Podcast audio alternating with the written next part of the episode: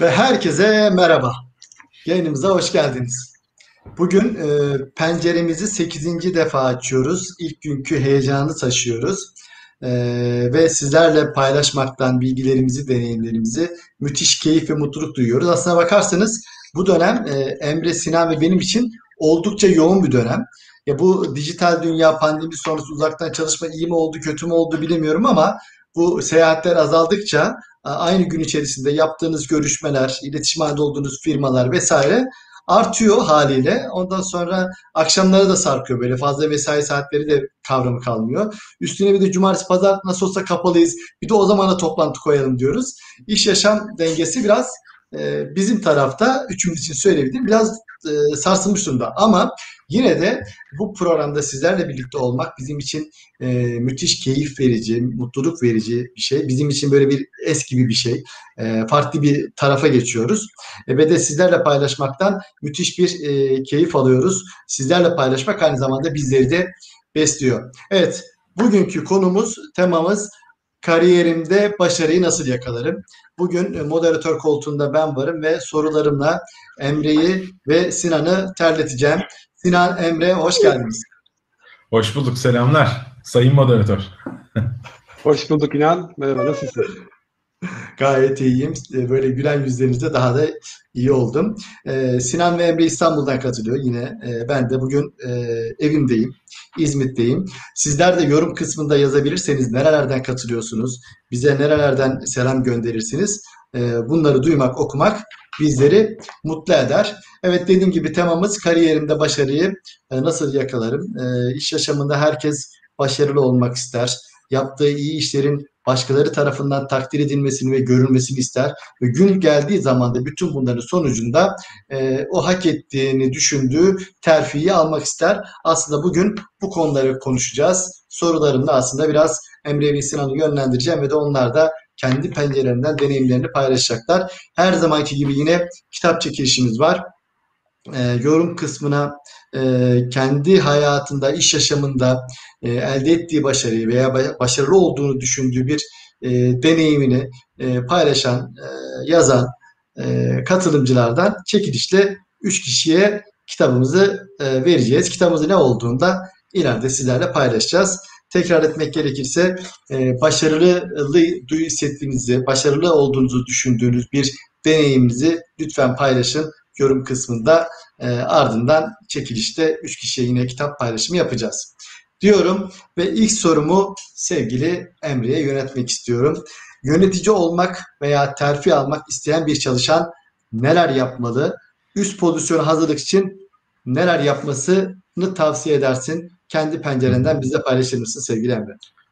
Tabii ki seve seve e, nacizane görüşlerimi paylaşmaktan büyük mutluluk duyarım. Bu arada yani gözüme tabii aralarda mesajlara kayıyor. Kameradan uzaklaşıyor. E, böyle takipçilerimizin e, bize e, yakın ilgi gösteren insanların mesajlarını gördükçe çok mutlu oluyoruz. Herkese tekrar hoş geldin demek istiyorum.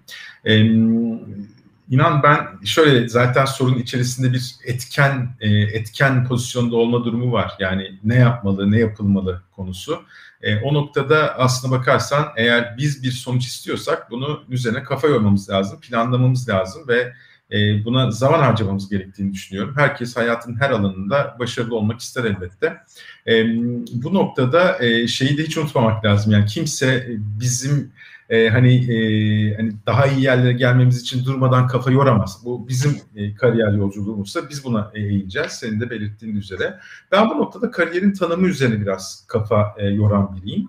Kariyerden bahsederken genelde bireysel tarafı konuşuyoruz. İster istemez hani sonuçta oradaki terfi de alacak kişi veya işte e, başarı addedilecek kişi, e, takdir alacak kişi biziz.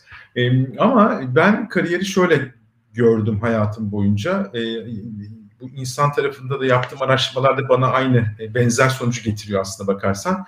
Kendime dair şöyle bir cevap verebilirim. Ben bana göre kariyer bireysel bir konu değil, etkileşimlerle şekillenen bir değer yolculuğu. Yani bizim e, paydaşlarımız, onlarla etkileşimlerimiz ve o etkileşimler doğrultusunda onlara sunabildiğimiz e, değerle alakalı bir konu gibime geliyor. E, Tabii kariyerde de varmak istediğimiz taraf yani başarılı hissetmekse kendimizi e, amacımız. E, senin de belirttiğin gibi başarının ne olduğunu da tanımlamamız lazım kendimize dair.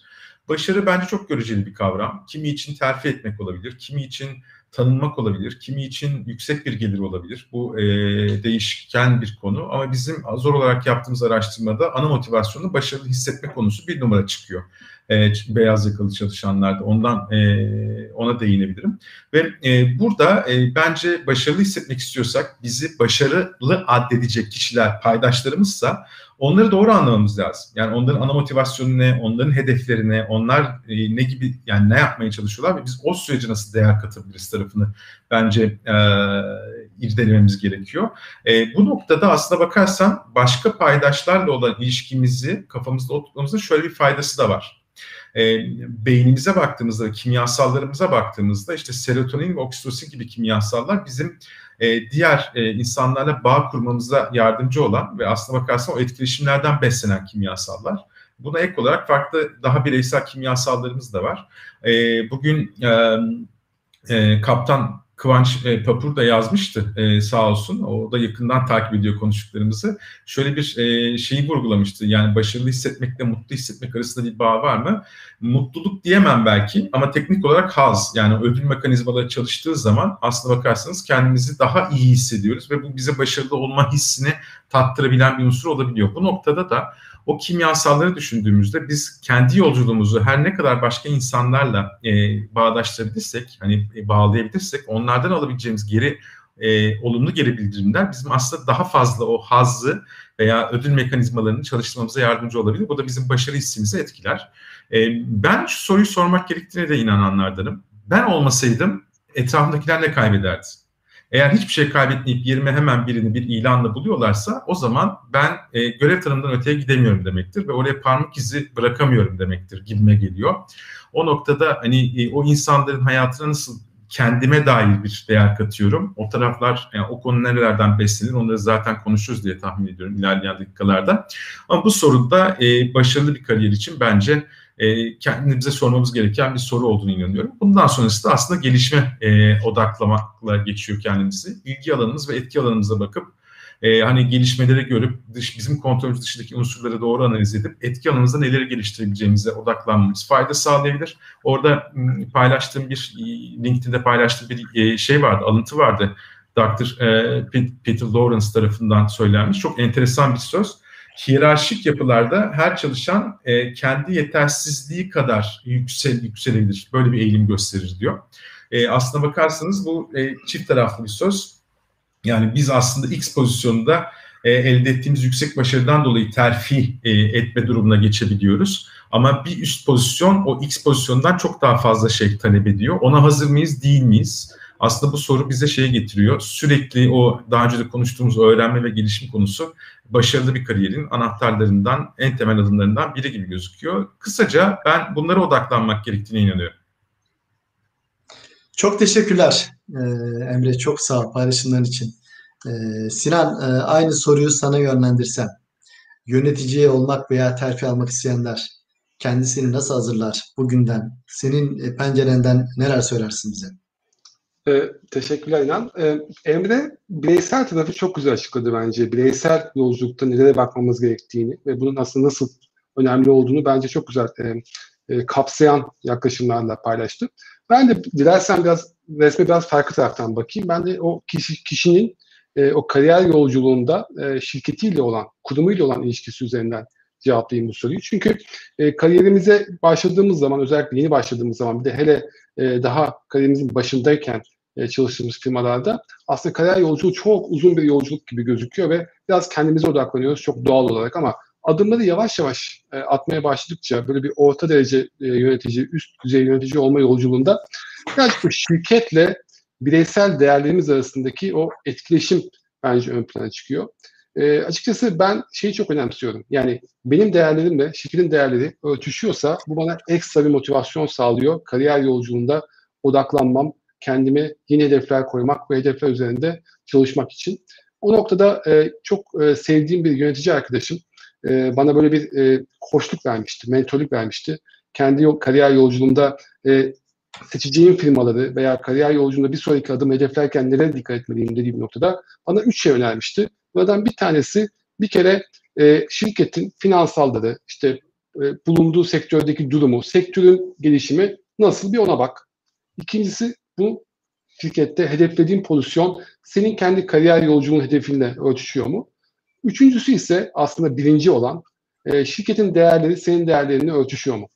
E, eğer bu örtüşüyorsa, bu ölçmeyi görüyorsanız bir kere zaten e, doğru yerdesiniz ve bu kariyer yolculuğundaki başarıyı hedeflemeye, bir sonraki adımı hedeflemeye doğru yerde başlamışsınız demektir. Ben biraz bu işi bu e, noktadan başlatmak istedim. Sonra bu noktadan ilk cevap vermek istedim. Bu değerlerle ilgili de özellikle bugün e, çok hoşuma giden bir yazı oldu LinkedIn'de. Profesör Doktor Türker Baş e, çok güzel bir paylaşımda bulunmuş. Belki sizler dikkat etmişsinizdir. İş hayatına yeni başlayan çalışanların özellikle kariyer yolculuğuna yeni başlayan çalışanların dikkatini çekmek için demiş ki e, özellikle iş hayatında şöyle bir öz e, saygı e, akışı olacaktır diyor. Birincisi diyor ben önemli değilim. İkincisi ben önemliyim. Üçüncüsü ise önemli bir iş yapıyorum. E, bu döngüde özellikle ikinci kısımda kalan çok fazla çalışan olduğundan bahsediyor. Ve iş hayatında ben mi önemliyim yoksa yaptığım iş mi önemli bakış açısıyla aslında kariyer yolculuğumuza kendimize yeni hedefler vermenin de kritik olduğunu düşündüm. Bu noktada da önereceğim e, bir başlık e, çok da önemli olduğum SWOT e, dediğimiz konuyu aslında birçok strateji toplantısında, birçok e, yeni yatırım konusunda duyarız ama bireysel SWOT yapmayı aslında çok da önemsemeyiz ama ben bireysel SWOT yapmanın çok çok kritik bir şey olduğunu düşünüyorum. E, kendi hayatıma da kattığım bir e, alışkanlık. Kendi güçlü yanlarımın, kendi gelişim açık, zayıf yanlarımın, kendi fırsatlarımın ve kendi tehditlerimin aslında her zaman farkında olmak bence burada kritik bir çıkış noktası oluyor. Eğer bulunduğum şirket benim için doğruysa, değerlerim örtüşüyorsa ve ben bu şirkette bir kariyer yolculuğu hedefliyorsam o zaman e, hiç vakit kaybetmeden o bireysel SWOT'u yaparak kendime bir yol haritası çizmenin çok da kritik olduğunu düşünüyorum. Burada da bakabileceğim aslında 3-4 tane farklı başlık var. E, bu SWOT'u yaparken, SWOT'la yola çıkarken e, nasıl kendimi geliştirebilirim, nasıl kendimi bir sonraki adıma hazırlayabilirim. E, bunları da böyle dört başlık altında paylaşayım dilersen inan. Buradan bir tanesi ben müşteriler için nasıl bir katma değer ortaya koyabilirim? Buradaki müşterileri hem iç müşteri olarak düşünüyorum hem de benim firmamın ortaya koyduğu hizmet, servis, ürün neyse bunun alıcısı olan müşteri. Bunun yönelik ben neler yapıyorum? Bu müşteriyle ilgili ben ortaya ne gibi katma değerler koyuyorum? Bu birincisi. İkincisi şirketin yatırımcıları var tabii ki, paydaşları var. Bu paydaşların hedefine yönelik ben neler yapıyorum? Şirketin değerini arttırmaya yönelik bir şey yapıyor muyum? Onların kendi ajandalarındaki noktada dokunuyor muyum? Bunun farkında olmak, buna yönelik kendime hedefler koymak kritik. Üçüncüsü çalışanlar, bana bağlı çalışanlar var. Bu çalışanlar için ben aslında bir gelişim planı yapıyor muyum? Onların önünü açıyor muyum? Onları güçlendiriyor muyum? Onlara yetki sorumluluk veriyor muyum? Ve dördüncüsü de kurum. Kurumun geneli içerisinde süreçler için herhangi bir katma değer ortaya koyuyor muyum? Dünden bugün işlerin daha iyi yapılması için ortaya farklı bir e, servis, farklı bir e, hizmet çıkartabiliyor muyum noktasında e, kendime hedefler verebileceğimi düşünüyorum. İşin özeti e, biraz uzun oldu ama e, önce bir doğru yerde miyim sorusu, arkasından bireysel SWOT, arkasından da bu dört başlık altında kendime hedefler vermek sanki bu işin doğru çıkış noktası gibi gözüküyor sevgili İnan. Çok teşekkürler Sinan. Ee, ben de e, kendim de küçük bir katkı yapayım. Ee, bir çalışan kendisini e, terfi için hazırlarken e, aslında sizin de dediklerinize paralel olarak sadece dikey organizasyonu değil aynı zamanda yatay organizasyonu da düşünmeli. Yani bir çalışan e, bir üst pozisyona geçeceği zaman kendi yöneticisinin bir takım beklentilerini görüp veya kendi aslarıyla iyi iletişim halinde olması yetmiyor. Organizasyondaki yatay e, organizasyondaki beraber çalıştığı İngilizce tabirle peerleriyle beraber e, neler yapabilir, onlarla nasıl yakın ilişki kurabilir, onlara nasıl katkı sağlayabilir?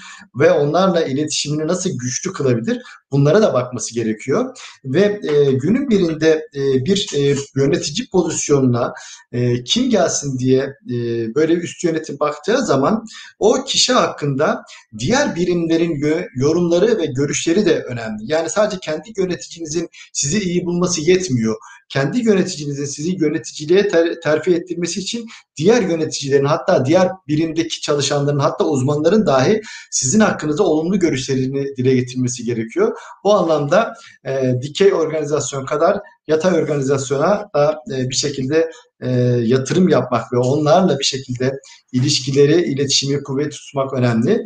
Bir diğer e, nokta ise e, bir esantene paylaşmak istiyorum. E, bir mühen, uzman mühendis olarak çalıştığım dönemde e, işte şef olmayı hedefliyoruz e, ekipte. E, bir yönetici bana şey demişti, e, sen demişti şef olursun demişti. E, neden demiştim? Çünkü sen şef gibi giyiniyorsun demişti. Yani bir e, hedeflediğiniz pozisyonu bir şekilde bugünden doldurursanız, sadece kılık kıyafet değil, e, sorumluluk alırsanız, e, e, taşın altına elinizi şimdiden sokarsanız, geri geldiği zaman e, inisiyatif kullanabilirseniz aslında kendinizi de yarının yöneticisi olmak için hazırlamış oluyorsunuz. Bugünden ben de kendi görüşlerimi paylaştım. E, Sinan dilersen yine seninle devam edelim. Burada da e, aslında biraz önce bahsettim. Bir çalışanın e, bir üst pozisyona geçmesi için e, kendi yöneticisinin görüşleri önemli.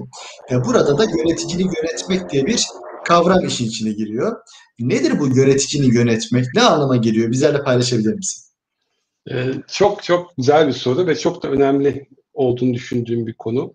Ee, kendi e, kariyerimde aslında biraz da şansa e, farkına vardığım önemini ve sonrasında üzerine hakikaten çok kafa yordum, çok fazla emek yordum bir konu.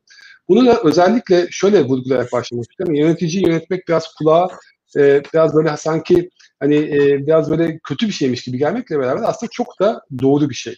Çünkü alt detaylarına baktığınız zaman yöneticiyi yönetmek demek aslında yöneticinin hayatını paylaşmak demek. Ben böyle bakıyorum. Çünkü günün sonunda bağlı olduğunuz yöneticiyi bir şekilde desteklemeniz lazım. Siz şirketlerde aldığınız bireysel hedeflerle veya işte ekip hedefleriyle, performans hedefleriyle aslında tabii ki şirketin başarısına bir katkıda bulunuyorsunuz ama şirketin başarısı aslında e, bireysel bir başarı değil, kolektif bir başarı. O kolektif başarının içerisinde bağlı olduğunuz departmanın başarısı, bağlı olduğunuz departmanın liderlerinin başarısı var. O anlamda e, benim böyle kendime e, bu konuda e, çıkarttığım birkaç tane böyle öneri var. Hani bu yöneticiyi yönetmek için nereye dikkat etmek lazım noktasında. Birincisi bir kere yöneticiyi çok iyi tanımak lazım. Yönetici yeni bağlanmış olabilirsiniz, uzun yıllardan beri beraber çalışıyor olabilirsiniz veya işte yöneticiniz farklı departmandan size yeni bağlanmış olabilir. Şirket içerisinde tanımıyordur ama siz tanımıyorsunuzdur. Çok şeffaf bir iletişimle beklentileri iyi anlamak lazım. Yani ben bu noktada e, bu bek, sırf beklentileri yönetemediği için çok mutsuz olan çalışan ve yöneticiler tanıdım. E, sırf bu ilişkiyi doğru şekilde başlamadıkları için. O yüzden e, ben o konuda biraz daha e, cesur davranıyorum. E, davrandım da kendi kariyerimde. E, bağlı olduğum yöneticilerle çok açık iletişim kurdum. Beklentisini direkt sordum beklentisini direkt yazılı olarak da almaya çalıştım ki hani kendimi doğru yönelteyim ve burada teyit etmekten, tekrar etmekten hiç de çekinmeyin. Yani bir şeyi anlamış gibi olmaktansa ikinci kez sorun, üçüncü kez sorun. Yeter ki netleşin. iki tarafta birbirinin beklentisini çok iyi anlasın. Onun ötesinde başka ne yapabilirsiniz? Bol bol onun hayatını kolaylaştıracak, onun sizden beklemediği belki de veya istemediği konularda yardımcı olmak. E, bu programda daha önce de bahsettim. Adam Grant'in bu e, Vermek ve Almak kitabı e, çok da önemli olduğunu düşünüyorum. E, iş hayatında böyle çoğunlukla hani hep alıcı e, formatında olmanın daha iyi bir şey olduğunu düşünüyoruz. Yani işte ben karşı taraftan kendime bir fayda çıkartayım, bununla da ilerledim noktasında sanki başarının temelleri buradan geçiyormuş gibi düşünüyoruz ama e, hem kitabın ortaya koyduğu hem de sonrasında ben bu kitap üzerinde kendim de düşündüğüm zaman ortaya çıkarttığım örneklerden gördüğüm İş hayatında başarılı olmanın yolu vermekten geçiyor. Yani sizden istenenlerin belki de beklentilerini de aşarak karşılığını vermek her zaman için yolunuzu açıyor, önünüzü açıyor, şirket içerisindeki görünürlüğünüzü arttırıyor. Bu noktada yani yöneticinizin dediğim gibi hayatını kolaylaştıracak şekilde onun üst yönetime kendisini çok daha rahat ifade etmesini, çok daha rahat anlatmasını sağlayacak şekilde ne kadar fazla araç, e, veri, işte rapor, sunum hazırlayabilirseniz hem siz öğreniyorsunuz hem de onun hayatını kolaylaştırıyorsunuz. O da benim için kendi kariyer yolculuğunda gördüğüm çok önemli bir başlık. Ve sonuncusu e, belki de e, yöneticinizin organizasyonda yükselmesine yardımcı olmak lazım. Çünkü sizin yükselmeniz aslında yöneticinizin, yöneticinizin yükselmesine bağlı. Bunu çoğunlukla gözden kaçırıyoruz. Sanki yönetici bir anda kaybolacak da biz onun yerine geçecekmiş gibi düşünüyoruz. Halbuki e, çoğunlukla bizim yöneticimiz terfi ettiği zaman zaten biz onun pozisyonuna e, geçebiliyoruz. E, bunun için de e, ne kadar kendimizi yazılarsak, senin de dediğin gibi inan öncesinde ve o pozisyondaymışız gibi çalışırsak ve sonrasında yöneticimizin de bir sonraki aşamaya geçmesi için ona destek verirsek bu yolculuk o kadar kolay oluyor. Benim kariyerimde buna benzer örnekler var. E, o yüzden bunu gönül rahatlığıyla anlatıp paylaşabiliyorum. E, dinleyenlerin de e, denemesini tavsiye ederim. Çok teşekkürler Sinan. Ağzına sağlık. Ee, küçük bir hatırlatma yapmak istiyorum Sinan'ın bu değerli paylaşımlarından sonra. Ee, kitap çekilişimiz olacak yine. Kendinizi başarılı bulduğunu bir örnek paylaşırsanız yorum kısmına yazanlar arasından 3 kişiye yine her zamanki gibi, her yayından sonra olduğu gibi e, kitap edeceğimiz olacak e, diyorum ve e, Emre sana dönüyorum. Senin e, bu soru için e, görüşlerin ne olur? Yöneticini yönetmek senin için ne anlama geliyor? Bizlerle paylaşabilir misin? Ee, aslına bakarsan hani Sinan'la paralel düşünüyorum ben de. Zaten ilk sorunun cevabında da o paydaşları doğru anlamak ve etkileşim üzerine kurgulamaktan e, bahsetmiştik. E, o noktada e, yani yöneticimiz de bir paydaşımız ve önemli bir paydaşımız tabii ki. Hassas bir paydaş. O noktada e, buraya e, kafa yormamız, zaman harcamamız gerekiyor Sinan'ın dediği gibi. Hatta burada e, bir parantez açarak e, güzel bir örnek olduğuna inandığım için yorumlarda gördüm. E, sevgili Direkt Turan, eksik olmasın çok güzel bir yorumda bulunmuş. E, iki ay önce kurumsal hayatına kendi kararıyla veda etti e, Dilek Hanım. Kendisiyle de e, arkadaşız aynı zamanda. Selamlar olsun herkese. Ayrılırken çok yakın bir arkadaşı ona şunu söylemiş. Buranın 9 değil 10 değeri var. Onuncusu da sendin. Senin yerini doldurmak çok zor. Mesela gerçekten işte o etkileşimin, karşılıklı etkileşimin insana sadece maddi bir gelir veya statü gibi şeyler değil, e, muhtar kentin psikolojik gelir diye adlandırdığı o duygusal tarafa da e, katkısı olan bir şey olduğunu düşünüyorum. Aslında e, buna ithafen de e, buradan esinlenerek de aslında yöneticimizle olan ilişkimizde sözü duyabilecek şekilde nasıl e, şekillendirebiliriz de geliyor konu Sinan'ın dilerde. Burada belki bir öneride bulunabilirim ek olarak. E, Harvard Business Review'da yayınlanan 1980 yılında ilk yayınlanan bir e, klasik makale var. Gabaro ve Cutter'dan e, kaleme aldı ve bu çok ünlü bir makale. Hatta bazı yeni versiyonları da çıktı. E, yeni baskı gibi makalenin baskıları çıkıyor diyelim. Burada e, zaten temel noktada Sinan'ın bahsettiği o yöneticiyi tanıma tarafından geçiyor. Orada belki bazı konuların altını çizebilirim nacizane. E, onu tanırken bir e, yani stres baskı sürecinde e, insanın hali tavrı e, hayaldeki gibi olmayabildiği için hepimizde olduğu gibi o noktada e, onun aslında üzerindeki baskıyı doğru anlamamız gerekiyor ve bu baskı altında e, hedefleri neler? Yani kurumsal hedefleri olduğu gibi insanların onun da bir başarı tanımı olabilir. Kendine özgü ve kendine özgü hedefleri olabilir. O hedefleri anlayıp aslında Sinan'ın bahsettiği gibi onlara yardımcı olacak. Bu bizle bağdaşıyorsa tabii ki e, adımları atmamızda fayda e, olduğunu düşünüyorum. Aynı zamanda e, Sinan'ın dediği SWOT analizi vardı. Ben ona biraz daha farklı bir açıdan yaklaşıyorum ama temelde SWOT mantığında bir analiz yaptığımızda e, belki kendimiz için bunu bu detayda yapabiliriz ama yöneticimiz için belki bu detayda vakit harcamak istemeyebiliriz ama yine de onun güçlü, zayıf hatta onun farkında olmadığı kör noktalarını da farkına varmamız gerekiyor ki o boşlukları dolduralım ve onun o yolculuğuna değer katan bir unsur haline gelelim. E, bir de e, genelde gözden kaçtığını düşündüğüm bir konu olabiliyor bu. E, yani üst yönetici, hiyerarşik yapıdaysak eğer özellikle, üst yöneticinin zamanı etki alanı daha geniş olduğu için daha kısıtlı. E, o noktada gerçekten o zamanı hani e, değer bölü saat e, şeyinden e, değerinden iyi bir düşünüp e, onun zamanını nasıl kullandığımıza da bence e, zaman harcamamız lazım, kafa yormamız lazım. E, ve temelde de aslına bakarsanız onun iş yapış biçimi de önemli. İşte bazıları yazılı e, yapmak ister, bazıları daha pratiktir konuşmak ister. Bunların hepsini aslında ortaya koyarken kendi değerlerimiz, Sinan'ın dediği gibi kendi hedeflerimiz ve iş yapış biçimimizi de aslında bunlarla bağdaştırıp net bir şekilde iletişimi kurmak, e, yönetmek değil de onunla olan ilişkimizi ve değer üretme sürecimizi, değer yaratma sürecimizi daha etkili hale getirebilir diye düşünüyorum ben.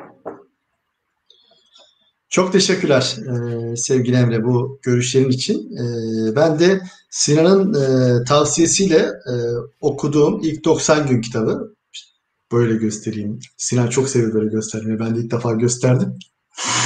Ee, orada e, bir e, kısım var. Yöneticini yönetmek e, adı altında değil ama sonuçta yöneticinle olan ilişkilerini, iletişimi nasıl güçlü kılarsın diye. E, burada 5 tane ana madde e, sıralamış. E, onlardan kısaca bahsetmek istiyorum. Öncelikle uzak durmayın diyor yöneticinize.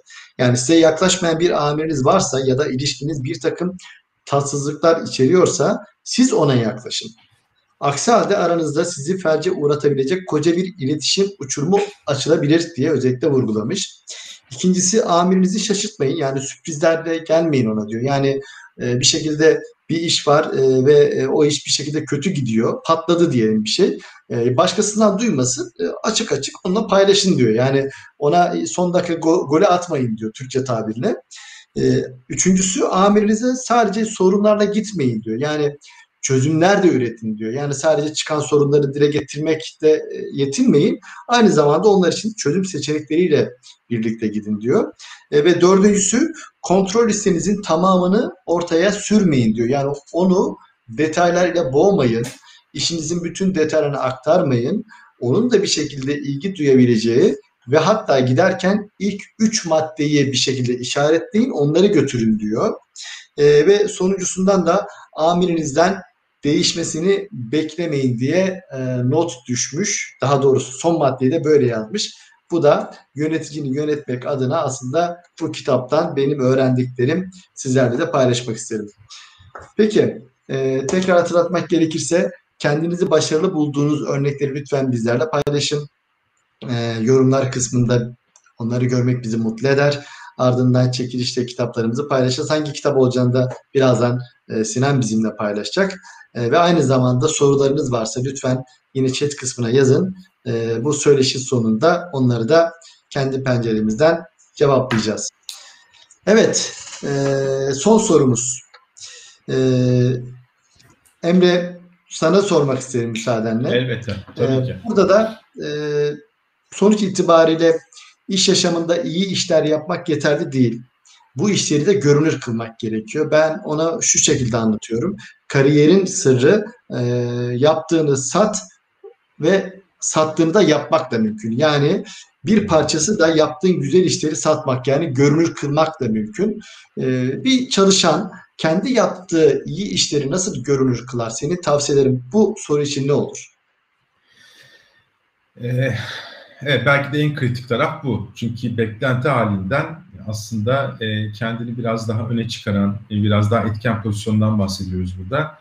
E, bir işi icra ettik. Bunun artık anlaşılmasını istiyoruz. Aynen pazarlama gibi aslında. Bir ürün veya hizmeti ürettik, bunu piyasaya sunduk. Aslında duyulmasını, fark edilmesini istiyoruz.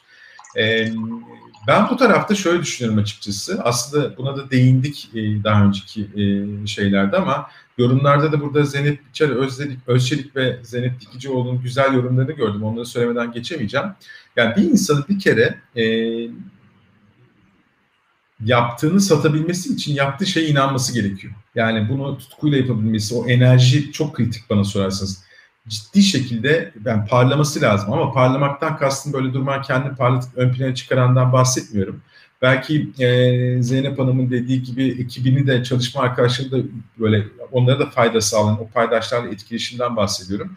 Bir kere samimi olması lazım, güven vermesi lazım, renkli bir şey olması lazım, mizacı olması lazım. Hayatınız ben bana sorarsanız sadece işten ibaret olmaması lazım. Yani e, birlikte vakit geçirmekten e, keyif alınması gereken bir insan olduğuna da inanıyorum. Çünkü iş ortamı zorlu bir ortam ve e, bence bu, şeylere dikkat etmemiz gerekiyor. E, paylaşılabilecek bir şey olması gerektiğine de inanıyorum. Yani işi dışında kendini özel, kendini farklı kılan bir şeyleri de olması gerektiğine inanıyorum. Hayatın genel açısından baktığımızda bir eylem halinde olması, bir şeyler üretmeye çalışması, e, bir şeyler ortaya koymaya çalışması, sözde kalmayan, herkesi harekete geçiren tarafta olması bana sorarsanız kritik.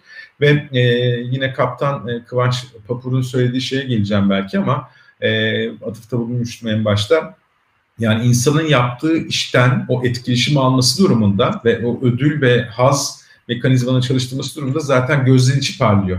Bunun yapabilmesi lazım, bunu yaşayabilmesi lazım ki bunu yansıtabilsin etrafa. Bence bu zaten o işin ön plana çıkması için ve dikkat çekmek için önemli bir unsur. E, bu tabii ki kişi yani bir e, tarz olarak e, söylediğim bir şey. Buna ek olarak yaptığımız işi de aslında değer katan, hep farklı şeyleri deneyen, e, sadece kendi ekibine değil genel resme de fayda sağlamayı gözeten, o etkileşimi her zaman ön planda tutan benim için en kritik konu açıkçası o başarılı bir kariyerde kendi açımdan baktığımda e, bir şeyde olması lazım. Ne demek istiyorum? Kendi görev tanımını öteye taşımaya çalışan ve kendine dair bir parmak izi bırakmaya çalışan, özen gösteren bir kişiden bahsediyorum. Bir de Üstad e, Şerif Kaynar'ın e, bir e, sözü var e, bir podcast'te. Şimdi refere edemeyeceğim tam hatırlayamadığım için nerede dinlediğim ama şöyle bir sözü var çok da doğru söylüyor. Siz istediğiniz kadar çalışın, istediğiniz kadar başarılı bir şeyleri, hedefleri bir sonraki pozisyon için istekli olduğunuzda dile getirmeniz lazım. Bu çok kritik bir şey bence. Tabii bunu gidip durmadan böyle isteyen, almaya çalışan gibi değil de önce işini icra eden, onu hak ettiğini düşünüp ondan sonra gidip bunu uygun zamanda, uygun dilde, uygun kişiye, doğru kişiye söyleyebilme e, başarısını da göstermek gerektiğini düşünüyorum. Ben bunların hepsinin olması durumunda zaten e, o insanın parladığını e, ve e, o enerjiyi üzerine çektiğine inanıyorum. E, bir yaptığı işle, iki kendi kişiliğiyle. E, tabii bunların içinde temelde o etkileşimi kurgulaması, aynı zamanda inandığı şeyi yapması e, temel noktalar diyebilirim. Benim gözümden bu şekilde e, bunu yansıtmamız veya dikkat çekmemiz mümkün inan. Çok teşekkürler Emre. Ee, Sinan senin yorumların ne olur? Merakla bekliyoruz. Emre'nin söylediği şey bana bir şey hatırlattı. Önce onunla başlamak istiyorum. Dedi ya e, Şerif Kaynar'ın e, sözü üzerinden hani e, talepkar olduğumuzu söylemek lazım noktasında. Ben de az önce hatırlarsan e, şöyle söylemiştim. E, hop, geçelim. E, şunu söylemiştim. E, bir kere yöneticimizin e, ilerlemesine e, destek olmalıyız. O ilerleyecek ki biz de onun yerine aday olabilelim. Ama aslında şunu söylemeyi unuttum fark ettim Emre'nin söylediklerinden. Kendi yerimize de birini yetiştirmemiz gerekiyor. E, ancak biz kendi yerimize de birini yetiştirirsek ve bunu da aslında görünür kılarsak e, ilerleyebiliyoruz. O yüzden böyle başlamak istedim. E, görünür kılmayı, görünür kılmayı noktasında hem kendimizi hem de ekibimizi görünür kılmanın e, önemini vurgulayarak başlamak istedim. Ama bu noktada benim e, temelde e, vermek istediğim mesaj benim bu ara özellikle eğitimlerde de çok altın çizdiğim bir rol model olma e, hali. E, yani bu rol model olmayı şöyle önemsiyorum. Hani dilerseniz kariyer yolculuğundan bahsedelim, dilerseniz bir aile, sosyal hayattan bahsedelim. Gerçekten de rol model olabilmek e, çok kritik ve rol modellerden öğrenmek de çok kritik. Hatta dilersen e, inan cevaba, cevabıma başlamadan önce e, elimde bir tane kitap var. E, benim çok faydalandığım bir kitap. E, benim için önemli bir kitap. Çünkü bu kitabı ben e, Executive MBA eğitimini alırken 2011-12 yıllarında Koç Üniversitesi'nde açılış toplantısında e, direkt bu kitabın yazarından dinlediğim bir sunumla e, almıştım. E, Sayın Akın Öngör'ün kitabı. Benden sonra devam kitabı. E, Garanti Bankası'nın efsanevi e, yöneticisi diyelim, genel müdürü CEO'su. E, onun kitabı mesela bir hayat hikayesi ama bir biyografi ama e, günün sonunda bir başarı hikayesi. Bu başarı hikayeleri, rol modeller e, bize çok şey katıyor. O yüzden rol model olduğunuz zaman adınıza kitaplar yazılıyor, aklınızdan hikayeler yazılıyor. Bunun önemini bir vurgulayarak başlayayım. E, detaya girmeden e, bu kitabı öneriyorum bu programda. Eğer sizin için de uygunsa e, bu programın da kitabı bu olsun. Tamam. Bu Tabii ki. Kesinlikle. Teşekkürler. Yani bugünkü kitabımız e, Akın Güngör'ün Benden Sonrası. Tam ismi e, Sinan yani söyleyebilir mi? Benden sonra devam. Benden sonra devam. Tamam. Teşekkürler. Sinan. Süper. Bunu cebimize koyduysak o zaman gelin şu rol model olma konusunu birazcık daha derinleştirelim. Ben bunu dört başlık altında e, anlıyorum ve anlatıyorum. O yüzden bu dört başlığı sizinle paylaşmak istiyorum. E, birincisi zamanımızı neyle geçirdiğimiz. Yani öncelikli olarak biz kaliteye çok önem veren bir yöneticiyiz. E, kendi departmanımızda kaliteyi hep önceliklendiriyoruz. Ama zamanımızın ne kadarını acaba kaliteyle ilgili süreçleri iyileştirmeye harcıyoruz? Yani konuştuklarımız, yaptıklarımız tutarlı mı aslında? O zamanımızı önceliklerimize göre nasıl e, planlıyoruz noktası bence kritik. O yüzden rol modeller e, zamanlarını iyi yönetebilen, kendi önceliklerine göre, göre yönetebilen kişiler oluyor. Bu birincisi. İkincisi neler söylüyoruz? Hangi kelimeleri kullanıyoruz? Hangi kavramları ortaya koyuyoruz? Yine e, bir örnek üzerinden gidelim. Takım çalışmasını çok önemsiyoruz mesela. Takım çalışmasını her yerde söylüyoruz ama kişilerin hep bireysel başarılarını vurguluyoruz. Veya bireysel performans hedefleri veriyoruz. İşte o zaman söylediklerimizle e, yine e, yaptıklarımız çelişiyor. Bu ikisi arasındaki tutarlılık yine önemli. İkinci başlıkta kelimeler. E, üçüncü başlık kritik anlarda, kriz anlarında nasıl davranıyoruz? E, insanlar baskı altında, stres anında gerçekten doğal süreçlerine dönüyorlar ve doğal hareketlerine, doğal değerlerine dönüyorlar. E, eğer bir maskemiz varsa o maskemiz düşüyor işin özeti. E, doğru, iyi rol modeller kritik anlarda da kendi e, doğrularını ortaya koyabilen kişiler oluyor. E, bunu da önemsiyorum. Hele hele şu pandemi döneminde gerçekten de samimi bir şekilde çalışanlarına yaklaşan, e, onlara arkalarında olduğunu hissettiren, herhangi bir sağlık problemi olmasını e, önleyecek şekilde destek veren şirketlerin liderleri, yöneticileri gerçekten rol model olmayı başardılar. Bu da üçüncü başlık. E, dördüncü başlıkta hikayeler. Hikayeler yaratmanın gücü çok önemsediğim bir konu. İyi rol modellerin mutlaka hikayeleri oluyor. Hatta ve hatta kitapları oluyor. E, bunda e, çok klasik bir örnektir ama hep aklımda kaldığı için söyleyeyim. Yine bir üretim hattında, üretim bantında çalışan bir yönetici olarak eğer siz kaliteyi yine çok önemsiyorsanız ama bir yanından geçtiğiniz hatta kalitesiz bir ürün üretildiğini gördüğünüz halde o hattı durdurmadan geçiyorsanız işte yine e, söylediklerinizle e, yaptıklarınız arasında bir çelişki var. Ama o hattı durdurup gerçekten de üretimin durmasına sebebiyet vereceğiniz bir hikaye yaratırsanız tam da işte o zaman bir hikaye oluyorsunuz, bir başarı hikayesi oluyorsunuz ve bir rol model olarak arkanızdan da e, yıllarca bu hikaye anlatılıyor. E, bu dördünü iyi yapan liderlerin e, rol model olduğunu ve kendilerini otomatikman görünür kıldıklarını ve başarı merdivenlerine çok rahat çıktıklarını ben kendi kariyerimde hem kendi e, yolculuğumdan hem de e, çok da başarılı olduğunu düşündüğüm e, arkadaşlarımın yolculuklarından gördüm, deneyimledim. O yüzden yine e, sizlerle paylaşmak istedim. Çok teşekkürler e, Sinan e, paylaşımlarınız için e, sevgili Emre, sevgili Sinan.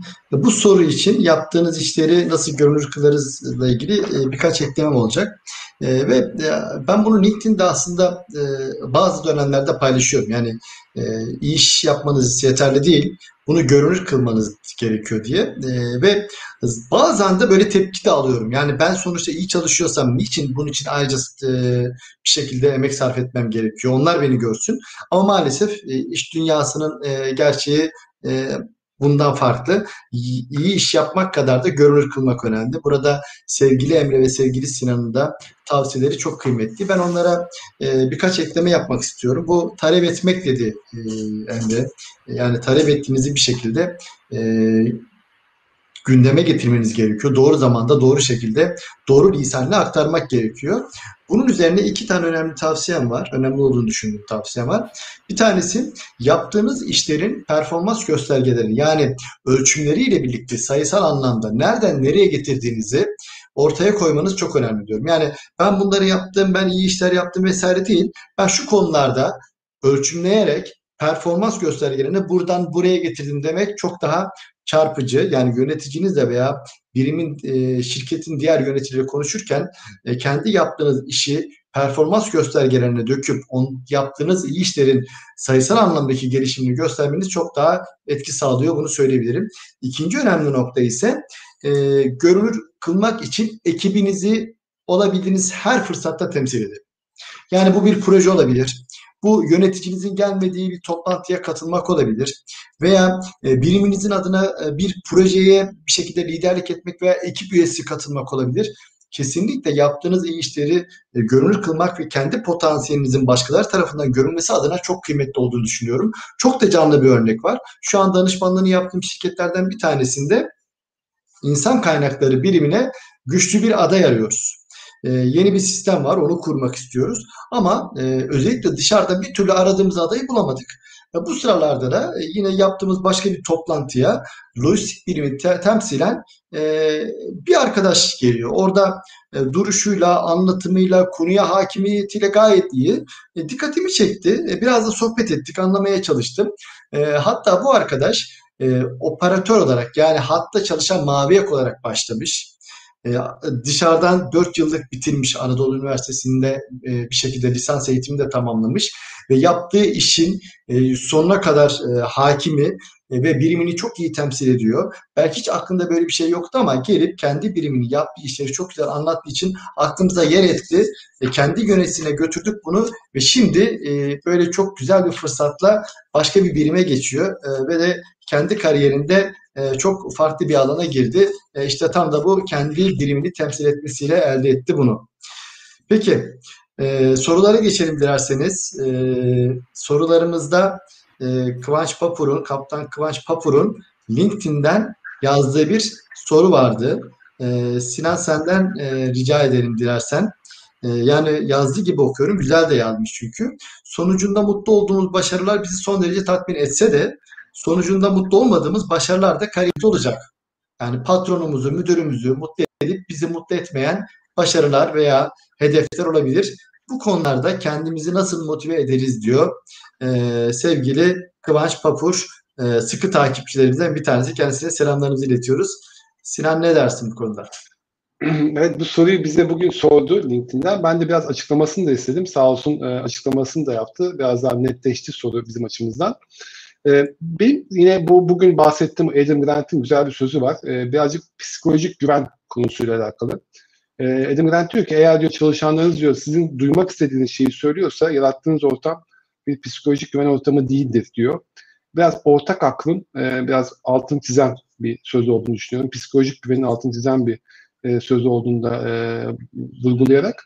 O yüzden e, Kaptan e, Papur'un sorusu güzel ama e, birazcık aslında tehlikeli bir e, konu. Yani eğer siz ve yöneticiniz farklı hedeflere koşuyorsanız bu bir seferlik, iki seferlik belki e, göz ardı edilebilecek bir konu. Belki siz e, mevcut hedeflerinizin arasında e, yöneticinizin e, hedefinde tabii ki koşabilirsiniz, başarabilirsiniz ama orta uzun vadede çok sağlıklı olmadığını düşündüğüm bir durum. Ben kendi kariyerimde ve özellikle eğitim verdiğim kurumlarda ortak hedefin altını sürekli çizen bir kişiyim. Ortak hedef olmadan e, sürdürülebilir bir başarının olmadığını düşünen birisiyim. O yüzden eğer siz ve yöneticiniz farklı hedeflere koşuyorsanız bu e, o orta uzun vadede dediğim gibi e, çok da uzun sürmeyecektir. O yüzden bu aşamada e, Sayın Papura e, ya hedeflerin değiştirmesini ya da yöneticisinin değiştirmesini öneririm. E, daha sağlıklı bir e, kariyer yolculuğu açısından diyeyim, cevaplamış olayım. Çok teşekkürler sevgili Sinan. Ee, sevgili Ender Mert Ural'ın bir sorusu var. Ee, başarısızlık yaşamayan başarıyı kendine nasıl tanımlar diye sormuş. Ee, Emre sen cevaplamak ister misin soruyu? Tabii ki. Ee, ince bir soru. Ee, yani e, kontrastlar hayatta önemli e, karşılaştırabilmek. İşte bir yemek yersiniz, hayatınızda hep aynı yemeği yersiniz, başka bir yemekle karşılaştıramazsınız. Ee, o yemeği de hep aynı kişi yapıyorsa, atıyorum e, bir karşılaştırma kriterimiz yok. Bir şeyin yokluğu bize bazı şeylerin e, anlamını daha iyi anlamamıza yardımcı oluyor. E, sevgili Mertol'un da dediği gibi. E, güzel bir vurgu bence, güzel bir nokta, eksik olmasın. E, yine de tek yol, yol bu mudur? E, bunu tam bilemiyorum açıkçası. Yani bunu nasıl bir e, e, hani mutlak şeye getirebiliriz formüle e, onda emin değilim. Yine de şunu söyleyebilirim. Kendi adıma bunu söyleyebilirim. Hani insan kendi başarı tanımını e, yaparken yolculukta şekillendiriyor gibime geliyor. E, ve ilham alabiliyor. İşte araştırıp okuduğu şeylerden kendisine uygun bazı şeyler seçebiliyor. Deneme yanılmayla da aslında e, bazı konularda e, ya ben bunu hiç böyle düşünmemiştim. Aslında benim ihtiyaç duyduğum şey bu değilmiş tarzında yorumlara gelebiliyor. E, bazen de düşüp kalkıyor. Yani mesela işte bir kurumsalda çalışırken farklı, belki kendi işinizi yapıyorsanız e, farklı işleyebiliyor. E, beyaz ve siyahı düşünüyorum şimdi onun sorunun üzerine. Gri bile aslında beyaz ve siyahla tanımlıyoruz. O noktada aslında o kontrastlar bize evet tanımlamak için bir yardım e, ediyor. E, ama belki farklı yöntemleri de olabilir diye düşünüyorum. Hani o tanımı e, oluşturmanın. Ama şundan eminim kendi adıma. E, kendi tanımımızı çok öznel bir konu bana sorarsanız bu e, kendi tanımımızı biz yapmazsak başkalarının kendi başarı tanımları üzerinden e, değerlendirilme durumuna düşüyoruz. Yani başkaları bizi başarılı buluyor veya bulmuyor. Başarılı bulmadığımız noktada e, şunu diyebiliyoruz kendi kendimize ben başarısız mıyım? Halbuki gerçekten kendi tanımımızı kafamızda oturtabilirsek e, belki o daha önce konuştuğumuz o amaç tarafı da burada devreye giriyor tabii ki, girebiliyor. E, o zaman e, olay farklı bir tarafa gidebilir gibime gidiyor. Daha e, ayaklarımız sağlam yere basabilir, duygularımız da sağlam yere basabilir düşüncesi değil. E, teşekkür ederim bu soru için. Ee, İnan izin verirsen ben e, farklı bir soruya geçmeden önce bununla ilgili bir de benim aklıma gelen bir cevap oldu. E, sevgili da ben de şöyle bir katkıda bulunayım. E, sevdiğim bir söz var Elon Musk'ın. E, eğer hiç başarısız olmadıysanız yenilikçi değilsiniz der. Ben o başarısızlık olmamasının durumunu aslında çok da böyle ironik bir soru olarak e, gördüm. Aslında hepimiz başarısız oluyoruz. Çünkü bir şey denediğimiz anda zaten başarısız olmayı cebimize koyuyoruz. Ama başarısızın tanımını nasıl yaparız diye ben ayrıca bir soru sorayım. Veya başarının tanımını nasıl yaparız diye ayrıca bir soru sorayım ama başarısızlık yaşamanın, yaşamamanın e, mümkün olmadığını düşünüyorum bu hayatta. Öyle bir cevap vermiş olayım. Peki. Çok teşekkürler Emre ee, ve Sinan. Ee, Adnan Ünlü'nün bir sorusu var. Kariyer için kaç yıl süre konulmalı diye. Ee, bu soruyu ben cevaplamak isterim müsaadenizle. Yani anladığım kadarıyla ben şöyle anladım Adnan Bey'in sorusundan. Ee, yani bir şirkete girdik kaç yıl orada kalalım veya bir pozisyonda ne kadar süre kalalım öyle anlıyorum. Çünkü kariyer dediğiniz yol aslında hani emeklilik yaşı belli o döneme kadar çalışmak gerekiyor. Ondan sonra da e, işinizi seviyorsanız sağlığınız da yetiyorsa çalışmaya devam edersiniz. Ya bu noktada ben anladığım şekilde cevapladığım zaman e, bir şirkette artık e, aynı pozisyonda uzun yıllar çalışmak belli bir süreden sonra e, zarar dahi verebildiğini düşünüyorum. Yani e, şu an geçtiğimiz e, bu içinden geçtiğimiz dijital çağda e, işte hibrit çalışma diye bir kavram var. Yani sadece kendi işinizde uzman olmanız yetmiyor. Diğer birimlerin yaptığı işler hakkında da fikir sahibi olmanız gerekiyor. Burada rotasyon çok önemli. Yani aynı şirkette mutluysanız çalışabilirsiniz. Ama aynı şirkette 10 sene planlama uzmanı olarak çalışmak yerine planlamada çalıştıktan sonra satışa geçmek, oradan belki insan kaynaklarına geçiş yapmak gibi e, böyle rotasyonlar, geçişler e, kişinin hayatı çok önemli diyorum. Bunun bir e, yılı var mı, formülü var mı? Yok. Ama ben deneyimle 3 bilemediniz en fazla 5 yıl ki o da bence e, şirkete göre çok gelebilir. Bir e, pozisyonda çalıştıktan sonra artık değişim vaktini e, geldiğini düşünüyorum. Eğer ki şirket içerisinde rotasyon imkanınız yoksa e, farklı bir şirkete veya sektöre geçmeyi dahi e, düşünmesi gerektiğini düşünüyorum. E, bir çalışanın kendi kariyerinde gelişmek ve de başarısını katlaması adına. İnan izin verir Ufak bir katkı vereyim. Ee, Peki lütfen Sinan. Bugün beni referans göstererek gösterdiğin o ilk 90 gün kitabında aslında bir rakam var. O rakamda diyor ki bugünün yöneticileri ortalamada bir buçuk yılda bir bir değişiklik içerisindeler. O bir buçuk yılı da dilerseniz masanızın değişmesi, dilerseniz masanızın başka bir departmana geçmesi, dilerseniz masanızın başka bir binaya, başka bir şirkete geçmeniz olarak düşünebilirsiniz. Ama e, şu anda ortalamada bir buçuk yılda bir e, odaklandığımız konu değişiyor. E, beyaz yaka çalışanlar olarak. O yüzden senin söylediğin süreler tabii 3 yıllar, 5 yıllar hakikaten bizim alıştığımız rakamlar ama yakın zamanda e, yeni jenerasyonların da e, dediğim gibi dijital e, yakalıların da daha çok iş hayatına girmesiyle bu süreler daha da düşecek. Ama bu bir buçuk yılı lütfen iş değişikliği, kariyer değişikliği düşünün. Bence bundan sonra kariyerin bitişi yok. E, doğduğumuz gün başlayacak kariyer ve e, son nefesimizi verene kadar devam edecek. O nasıl e, sonsuz öğrenme diyoruz, öğrenme yolculuğu diyoruz. Öğrenme yolculuğu devam ettiği sürece kariyerde devam edecek diye düşünüyorum. E, evet. İzin verdiğiniz için teşekkür ederim. Çok ben de çok kısa bir şey ekleyebilir miyim? Bir cümle. Lütfen. Tamam, teşekkür ederim. Benim başım kel mi efendim? Ne olacak? ee, şöyle, e, ben de buna kendi penceremden hani cevap verdi. Şöyle düşünüyorum. E, aynı konu bence e, kendi işini yapan biri için de geçerli. Yani bir şeyler yoluna oturduğunda devamı nasıl gelir gelmez 5 senedir 7 senedir bence bu çok hani e, şey bir konu yani kendi kafamda tutmaya çalıştığımda. Ben orada şöyle bir tını arıyorum. Ee, insanın heyecanı ama bakın sözde değil gerçekten heyecanı. Hani böyle heyecanlı bir şey yaparız ya o bizi çeker. Ama ben bu işi çok seviyorum da deriz o ayrı. Sözde değil olan gerçekten içimizdeki heyecanı dinmeye başladığında tehlike çanları çalıyor ben şöyle insanlar da gördüm. Tanımaktan da büyük mutluluk duydum. 15 senedir aynı kurumda çalışıyor. E, rotasyon da görmemiş. İnanın vurguladığı Kurum öyle bir şans vermemiş. Ama kendi görev tanımını değiştirmiş. Yani kendi departmanın veya birimin yaptığı işlere yeni şeyler eklemiş. Bunlar zor olmuş. O challenge'ı almak aslında bir heyecan yaratmış. Ee, bunların hepsi bence hani sizin söylediklerinize ek olarak da kendimden böyle bir şey, ek yapmak istedim. Ee, teşekkür ederim. Çok teşekkürler Emre. Çok çok sağ ol.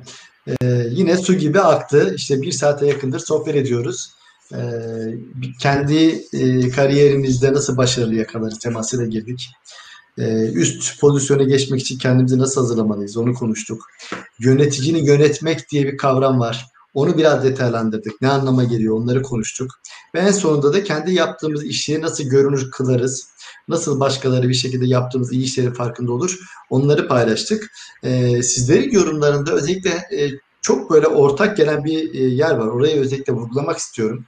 Kendi adıma da bir şekilde e, kesin de katıldığım nokta. Başarı e, tek başınıza başarı değil. Diğer paydaşları da düşünerek başarı.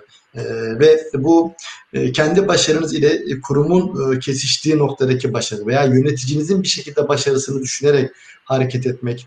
Diğer yatay organizasyondaki kişileri, birimleri düşünerek başarınızı tanımladığınız zaman aslında bu başarı dediğiniz o olgu size daha hızlı yaklaşıyor. Sizlerin özellikle vurgusundan e, bunu kendime de bir şekilde çıkardım e, ve dediğim gibi kendi deneyimlerimleri bunu net olarak gördüm. E, ve e, son bir sözle e, bitirmek istiyorum. Sonuçta biz başarı deyip bir takım azimle, hırsla e, bazı şeyleri elde etmek istiyoruz ama bir taraftan da hayatı ıskalamamamız geçiyor. Zaman gelip geçiyor bir şekilde o hayatın güzelliklerini de yaşamak gerekiyor. Nerede olduğunu hatırlamıyorum. Maalesef referans gösteremeyeceğim ama şöyle bir söz okumuştum. E, başarı hedeflediklerini elde etmekle mutluluk elde ettiklerinin kıymetini bilmekle mümkün. Yani sürekli yeni şeyleri başarmaktan ziyade onu yaparken aynı zamanda ben ne elde ettim, ne başardım deyip onların da farkına varıp onların da keyfini çıkarmak gerekiyor. Çok teşekkür ediyoruz bizlere eşlik ettiğiniz için ee, ve bir sonraki programda tekrar görüşmek dileğiyle diyoruz. İyi akşamlar. İyi akşamlar. İyi akşamlar.